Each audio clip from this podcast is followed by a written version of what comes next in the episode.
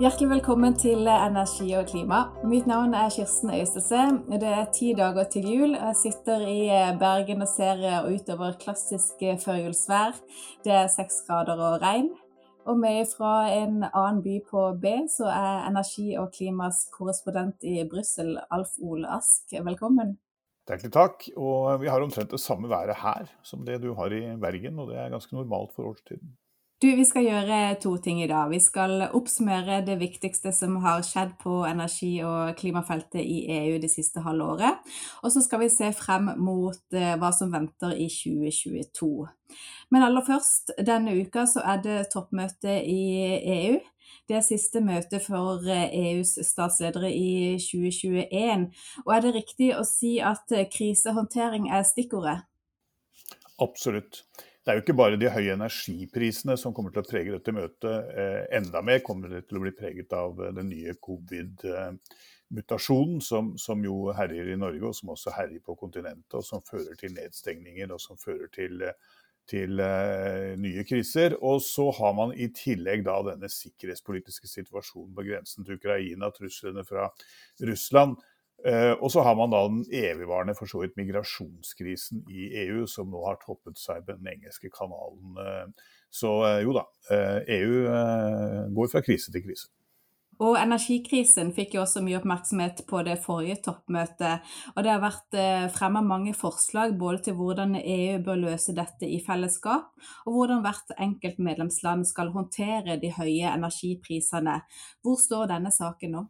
Ja, Dette kommer nok til å fortsatt være en sak som, som, blir behandlet på dette møtet, men det kommer jo ingen løsninger på et EU-toppmøte. Det de vil gjøre, er å det er kommet en del rapporter både fra EUs eh, e finanstilsyn og fra ACER om hvordan eh, markedet fungerer. Dette er foreløpige rapporter, de endelige rapportene kommer på nyåret. Sånn at du får en runde rundt disse tingene. Og så kommer det helt sikkert til å være medlemsland som mener at dette betyr at man må bremse arbeidet med denne Fit for 55-pakken, altså alle disse lovene som nå skal gjøre det, som gjør at EU skal klare å kutte 55% i 2030 av utslipp. Eh, sånn at du vil nok få en, en, diskusjon rundt disse tingene. Men eh, det virker som de nå komprimerer selve møtet, og at det blir kortere. Og dermed så tror jeg det blir mindre tid til det vi så på forrige møte, hvor det, tingene trakk ut, og det var masse diskusjoner også rundt eh, detaljer. Hvem er det som eventuelt er de som prøver å bremse Fit for 55, altså det som går på klimapolitikken?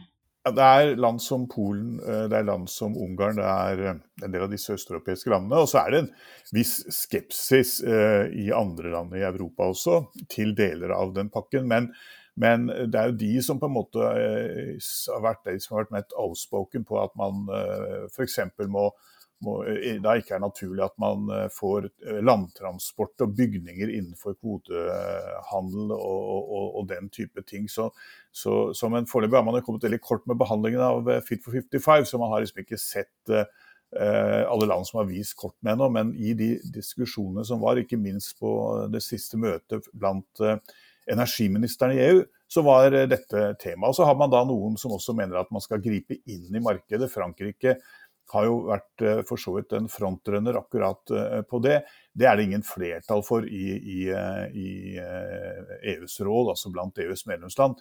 Men det er et betydelig mindretall som kunne tenke seg at man grep inn både i kvotemarkedet og, med, og regulerte da markedet for energipriser. Det betyr her stort sett gass og elektrisitet. Men et mindretall, så betyr at det sannsynligvis ikke kommer til å bli noe av? Ja, det tror jeg man kan uh, gå ut ifra at uh, det ikke blir. Det er et solid flertall uh, for dette. Og du ser også nå at franskmennene de skal overta formannskapet fra nyttår. De, de, de bakker noe ned. Men, men, det er klart at denne krisen med disse høye energiprisene ser ut til å vare. Eh, de første prognosene som eh, er kommet nå den siste tiden, sier liksom at de kan regne med å, å, å være slik fram til april.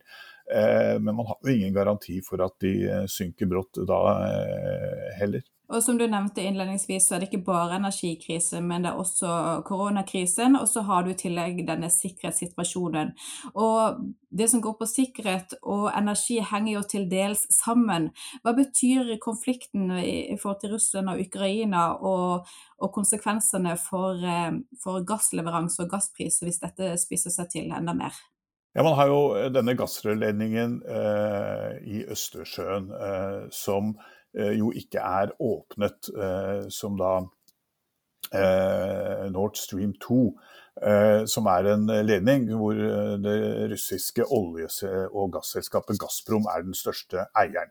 Denne ledningen blir ikke åpnet så lenge man har en situasjon hvor, hvor det er, ikke bare spekulasjoner, men, men begrunnet frykt for at russerne skal invadere Ukraina. Da betyr det at denne ledningen blir liggende der. Og Hele dette spillet rundt denne ledningen har også presset gassprisene opp, mener man da i, i det siste. Eh, sånn at det er klart Denne spente situasjonen har også betydning for gassmarkedet i, i Europa, eh, både direkte og indirekte. Hvis vi ser hele det siste halvåret nå under ett, hvordan vil du karakterisere de månedene som vi nå er i ferd med å, å legge bak oss? Ja, hvis du tenker på klima og energi, som vel er det vi for så vidt eh, sysler med, så er det klart det startet ganske optimistisk. I juli da la EU-kommisjonen fram denne Fit for 55-pakken, som, som, man virkelig ventet på. Det er tolv, kan du si litt forenklet, EU-lover eh, på et bredt spekter. Eh, det er innføring av karbontoll. det er eh, snakk om å få skipsfarten inn i eh, kvotesystemet. Eh, det er energiøkonomisering, det er eh, endringer av fornybardirektivet osv. osv. Og denne pakken skulle man da starte å behandle, og så kom da denne energikrisen, som på mange måter har tatt veldig mye av luften ut av, av det arbeidet. Eh, under det slovenske formannskapet, som da ender 31.12., har det ikke skjedd eh, veldig mye. Det var for så vidt heller ikke ventet. Eh, og så overtar da, da franskmennene fra, fra nyttår. Men, men, man er liksom fortsatt bare på så vidt kommet ut av startblokkene i behandlingen av denne Fit for 55-pakken, som jo både skal behandles i Europaparlamentet, hvor omkring 700 representanter skal behandle den, og alle medlemslandene skal behandle den. Og så skal da rådet, som består av medlemslandene og parlamentet, til slutt bli enige om en tekst på hver av disse direktivene, som da blir eh, loven. Og det at både koronakrisen og sikkerhetssituasjonen og de høye energiprisene har tatt så mye av, av eh, tiden til, eh, til EU de siste, de siste, månedene, hva har det betydd for tempoet med, med, med å behandle Fit for 55-pakken? Altså er de på etterskudd? Ja, det er litt vanskelig å si, fordi man hadde ikke så store forventninger til slovenerne. Nå kom, det er et lite land. Eh, og eh, du må huske på at de la fram den pakken i juli, og så tok de en måned ferie like etterpå. Så, så, de kommer liksom ikke i gang før ute i september. Men mange av de man snakker med her nede, tror at det kommer til å ta et år å drive og spikke på, på det, som må bli kompromisser. Og da er vi kanskje framme til det svenske formannskapet første halvår 2020, 2023. Eh, før man da virkelig eh, kommer dit hen at man, eh, at man får vedtatt disse lovene. Noen har jo snakket om at man kanskje kunne vedta noen for seg osv. franskmennene har vært litt opptatt av at denne karbontollen Eh, skulle de kanskje få gjennom. Men veldig mange av de jeg snakker med, ikke minst i parlamentet, og sånn, sier at dette her er pakker som henger sammen. Så det er veldig vanskelig liksom, å se for seg at man på en måte skal splitte det for mye opp også. Så, så eh, foreløpig får vi vente og se. Det blir eh, spennende år framover. Og det har vel, eh, selv om dette kommer til å ta tid, så har det vel tegna seg et bilde av eh, hva som kommer til å bli vanskelig å få igjennom. Hva kan du si om, eh, om akkurat det? Altså, hva, hva, er det som er størst uenighet om, sånn som det ser ut i Fit for 55-pakka? Hvis du ser akkurat slik som det er nå, før man liksom har, eh, har kanskje eh, alle har lagt sine kort på bordet, for å si det sånn, så er det denne karbontollen som, som kalles for CBAM, som altså er en slags eh, avgift som importører av stål, aluminium, kunstgjødsel, eh, jern og elektrisitet må betale eh, dersom de da handler dette fra land for man ikke har de samme eh, CO2-kvotepriser, de samme CO2-avgifter som det man har i, i EU-landene og i Norge. Norge vil være omfattet av EUs eh, e ordning her. Eh, og det skal da utligne den prisen, slik at man ikke får denne karbonlekkasjen. Altså man da flytter produksjon til land som da har slappere utslippsregler enn det man har i EU. Dette er en viktig sak for industrien. Det er en viktig sak for eh, ikke minst franskmennene. De har prioritert den veldig høyt. Eh, og dette er også en sak som skaper utenrikspolitiske problemer mellom EU på den ene siden og eh, Kina, Russland og USA på den andre. Det er interessant at John Kerry, den amerikanske klimautsendingen, tidligere utenriksministeren, var her i Brussel sist uke og hadde samtaler med EU-kommisjonen og eh, Frans Timmermans, eh, som da leder denne Green Deal i, i, EU. Og det virker nå som om kanskje EU e og USA er på vei til å finne et slags kompromiss. Og man har snakket litt om at noen land som da har lik tenkemåte, kan danne sånne klimaklubber. Som gjør at man da fortsatt kan ha frihandel med disse tingene seg imellom. Fordi man da har ordninger som, som vil være sammenlignbare. Kineserne er uh, sinte uh, og mener at dette er ordninger som vil rette seg mot dem. Og mener at dette f.eks. er i strid med Verdens handelsorganisasjons regler osv. Så, videre. så, det, så dette er en, er en, stor og tung sak. En annen sak som har fått mye motbør i de innledende rundene i EU, det er dette sosiale klimafondet som kommisjonen foreslår på litt over 70 milliarder euro, og som skal brukes til å hjelpe eh, svakstilte grupper eh, i det grønne skiftet. Altså sørge for at folk da får eh, tettet eh, husene sine, varmepumper eh, osv.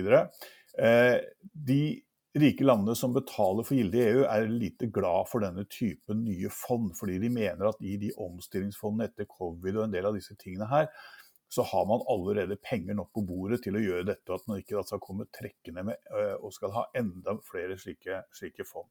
Dette kommer til å bli en interessant øh, diskusjon eh, internt i EU, fordi dette også er viktig sier kommisjonen, for å demme opp for det de frykter, nemlig at de skal få et sånn gul vest-opprør mot en del av klimapolitikken som gjør at den blir vanskelig å gjennomføre i medlemsstaten. Men her er det vel bl.a. annet Sverige som er skeptisk til å bruke for mye penger? Ja, Sverige er skeptisk til det. Finne er eh, skeptisk til det. Det er vel sånn at alle politiske partiene i Finland, tror jeg, eh, faktisk er imot det fondet. Så, så det, er, det er du har sett en del det er, det er, en betydelig motstand i, i, i, Europaparlamentet også, men det er ofte slik at det er de representantene fra de landene som er med og betaler gilde som da setter på, på, på bremsene. Så, så eh, ja, det er, flere, det er flere av de store, tunge landene som er skeptiske til, til, eh, til dette. Vi har jo hatt en, en, høst med både koronanedstenging, koronademonstrasjoner mot tiltak, vi har hatt sinne mot uh, høye energipriser. Og nå i førjulstida, hvordan er stemningen i, i Brussel og i Berlin og Paris og de store, de store byene i Europa? Det er mye demonstrasjoner uh, her, og her i Brussel uh, hadde vi jo svære demonstrasjoner bare for et par uker siden. Uh, det er vel to søndager siden det ble arrestert 30 mennesker her, og vannkanoner og tåregass. Og, og, og, noen uker før det så var vi oppe i 30 000 i, de, i, i demonstrasjonstog. Dette dreier seg stort sett om, om covid-innstramminger, men det er klart alle har frist i minne gule vestopprøret i Frankrike, og man frykter jo også at dette på en måte har en slags spillover-effekt eh, inn på klimapolitikken. Så det er en betydelig sosial uro. Eh, du så det i Wien, du har sett det i Paris osv. Så sånn at det er en betydelig sosial uro rundt omkring nå, og som ofte retter seg da mot myndighetene og mot EU, for så vidt. Hvis vi ser eh, fremover, vi skal snart inn i 2022. Som du nevnte, det er Frankrike som overtar det halvårlige formannskapet. Verden er ikke noe mindre uforutsigbar og ustabil. Hva er det forventa at EU skal få til på energi- og klimafeltet det neste halvåret? Jeg tror man øh, må liksom si at det franske formannskapet har jo én utfordring i tillegg til å, forsøke å lede EU, og det er at det er presidentvalg til våren. Uh, og når man ser hva, hva, Emmanuel Macron, den franske presidenten, nå sier og har sagt uh, i forkant av det franske formannskapet, så ser det liksom ut som at en del av hans prioriteringer der selvfølgelig sammenfaller med, med det han uh, synes er viktig i den franske valgkampen. Og en av de tingene som kanskje står liksom over på en måte sånn klima, det er på en måte en slags sånn industriomstilling. Sikre industrisysselsetting, sikre arbeidsplasser. Uh, og den type ting. Uh, sånn at uh, jeg tror liksom du vil se at han vektlegger veldig mye den biten, det å skape grønne arbeidsplasser og sånt, som en del av denne Fit for 55, som for så vidt er en, er en bit av det. Og så tror jeg man kommer til å se at de, de kommer til å kjøre hardt på denne CBAM-karbontollen, fordi den, den, passer inn i, i, i det bildet. Så vil han nok forsøke å få noen resultater eller noe han liksom kan vise til før da eh, valget på eh, vårparten. Men da har han jo liksom bare noen måneder på seg å, å, å gjøre det. Så, så, eh, det blir spennende å se hva, hva, hva franskmennene kan få til. Frankrike er jo et stort land og har jo en betydelig kapasitet, mye mer enn Slovenia har. Så de kan jo kanskje klare å, å, å påskynde denne prosessen. Men mye av dette kommer til å handle også om hvilke andre kriser som er på EUs dagsorden, som både immigrasjon, eh, covid og ikke minst denne sikkerhetssituasjonen eh, som det du har på grensen til Ukraina, forholdet til Hviterussland eh, osv. Men det at han vil få til noe på industriutvikling og grønne arbeidsplasser og vekst, er det da forventa at han vil lansere noen ny politikk eller nye støtteordninger her for å få mer fart i, i det nye arbeidslivet? Ja, Det kan uh, godt tenkes. Det er nok litt for tidlig å, å, å si det. Uh, men, men uh, det, kan nok det, det, skal man jo ikke utelukke at en, en, fransk president kan gjøre i, i, i valgkampen. Men, men, men jeg tror det er litt for tidlig å, å, å si det sånn ennå. Man liksom huske på at I EU så er det jo kommisjonen som liksom har forslagsretten. Da, sånn at at uh, hva, en, hva, en, regjering ønsker at EU skal ha, er, er eh, skal, skal, gjøre, er, er, jo på en måte bare et, et innspill. Det er jo kommisjonen som, som legger fram eh, forslagene. Men kommisjonen lytter jo til, til medlemslandene også, så det er klart at et ønske fra Frankrike ville veie tungt. Men, men jeg tror vi får vente og se. Det, det er jo uh, slik at EU har brukt enormt store summer da, på covid og den type ting. Sånn at det finnes jo grenser for hva de kan legge på bordet. Og det, det, skjer et viktig valg i, i, Frankrike, og et annet viktig land i EU-sammenheng, det er jo Tyskland. Og etter 16 år ved makta så har Angela Merkel nå gått av som Tysklands forbundskansler. Og hun etterlater jo til, eh, til en viss grad et tomrom i EU med den tydelige rollen hun har hatt der. Er det Tysklands nye forbundskansler Olaf Scholz som kommer til å til å fylle dette tomrommet, eller eh, er det andre nå i EU eh, e som kommer til å, å ta større plass og få en tydeligere stemme i EU? Han kommer nok til på en måte å eh, fylle hennes plass på den måten at han jo sitter ved bordet.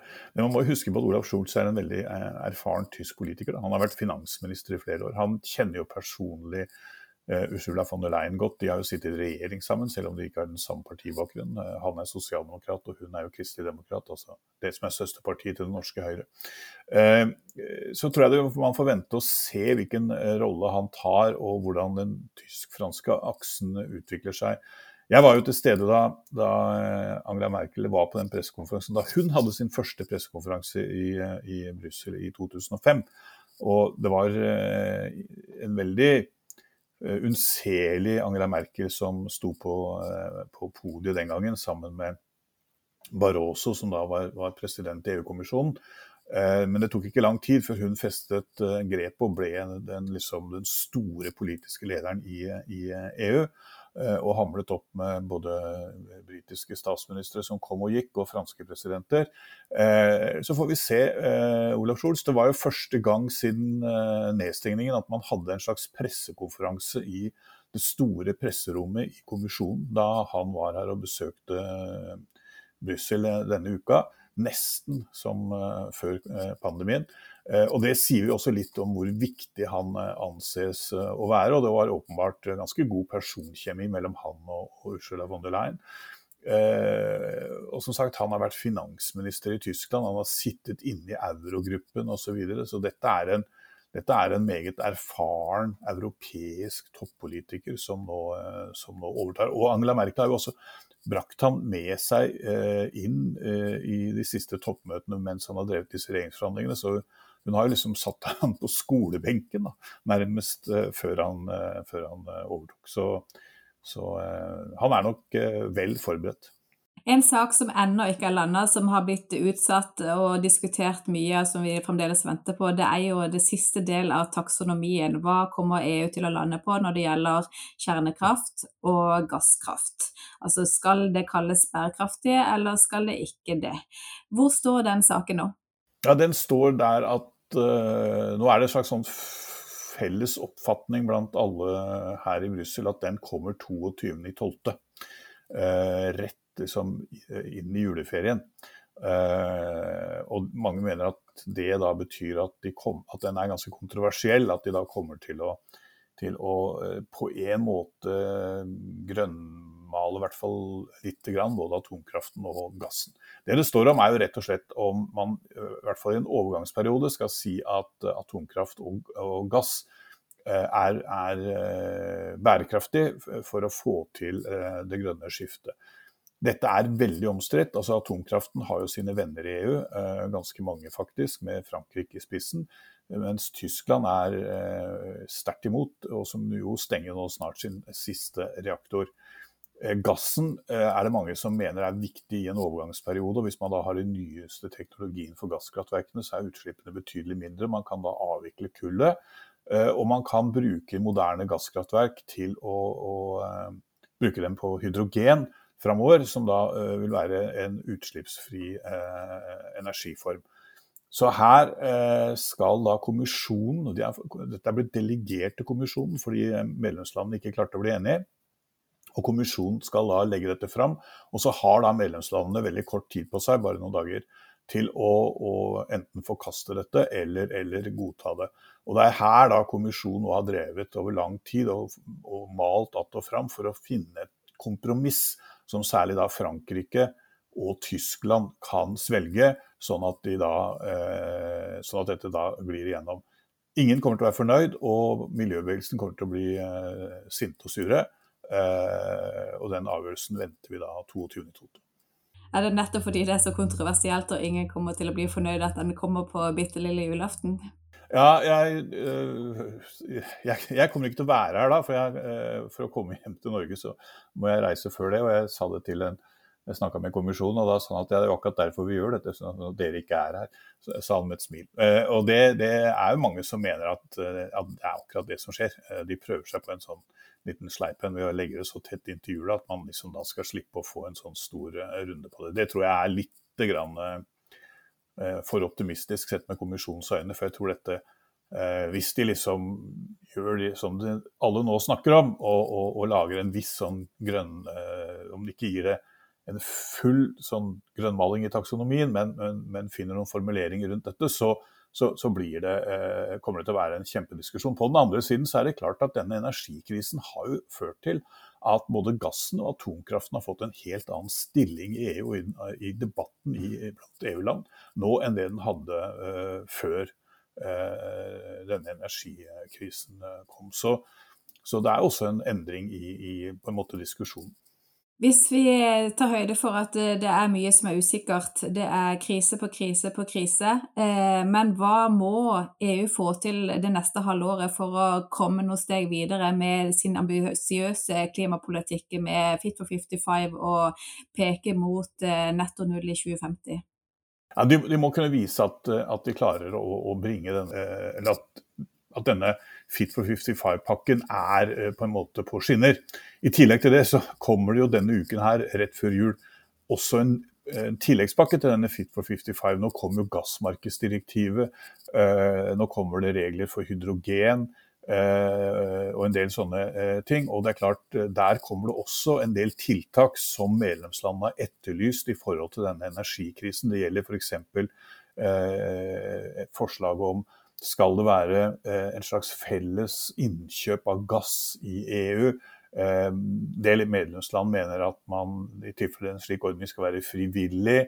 Det andre er eh, oppbygging av gasslagre som kan brukes og som kan hindre eh, at man får så store svingninger i prisen som det man gjør nå. EU eh, e har forsøkt lignende tiltak tidligere. Det har ikke vært særlig suksessfullt, de har ikke fått det til. Mulig denne krisen kan endre på det. Men, så, så det fins en del slike ting som også ligger der, som, som, som nå, nå, uh, kommer, og som ikke vil gjøre behandlingen av Fit for 55 enklere, rett og slett fordi at det blir enda flere direktiver som skal igjennom den samme, eller direktiver lover som skal igjennom den samme, samme kverna. Så det blir eh, mye å gjøre for, for både europaparlamentarikerne og, og eh, de som sitter i, i, rådet, altså disse ulike ministrene for ulike fagområder som sitter i de ulike rådene i, i EU framover. Hvordan opplever du at eh, den norske regjeringen og norske interesser er på ballen nå som eh, Fit for 55 går inn i en, eh, i en viktig arbeid der ting skal forhandles og, og, landes? Ja, Det er et godt spørsmål. Nå har vi akkurat skiftet regjering i Norge. Og, og så er det litt sånn nedstengning nå, så vi har jo sett bare noen få statsråder som har vært nedom her. På, på, det har jo ikke vært så mye for de, for de å gjøre. Eh, det kom jo en ganske drepende rapport fra eh, Norsk utenrikspolitisk institutt eh, helt på tampen av Solberg-regjeringen og i overgangen til Støre-regjeringen, som jo ikke var spesielt godlynt, for å si det sånn, når det gjaldt Norge til evnen til å samordne seg Eh, når det gjelder påvirkning av EUs eh, klimapolitikk. Eh, og pekte vel på en del områder hvor det var rom for forbedringer, for å si det forsiktig. Så dette kommer til å bli interessant å se hvordan man gjør det. fordi at For Norge kommer det til å bli viktig på en del av disse områdene å påvirke både overfor medlemslandet i EU og overfor Europaparlamentet. Og det er klart at En del av de områdene som er veldig viktige for Norge, er jo denne karbontollen, hvor en del norsk industri har hatt ganske klare innvendinger mot det forslaget som, som EU har lagt fram.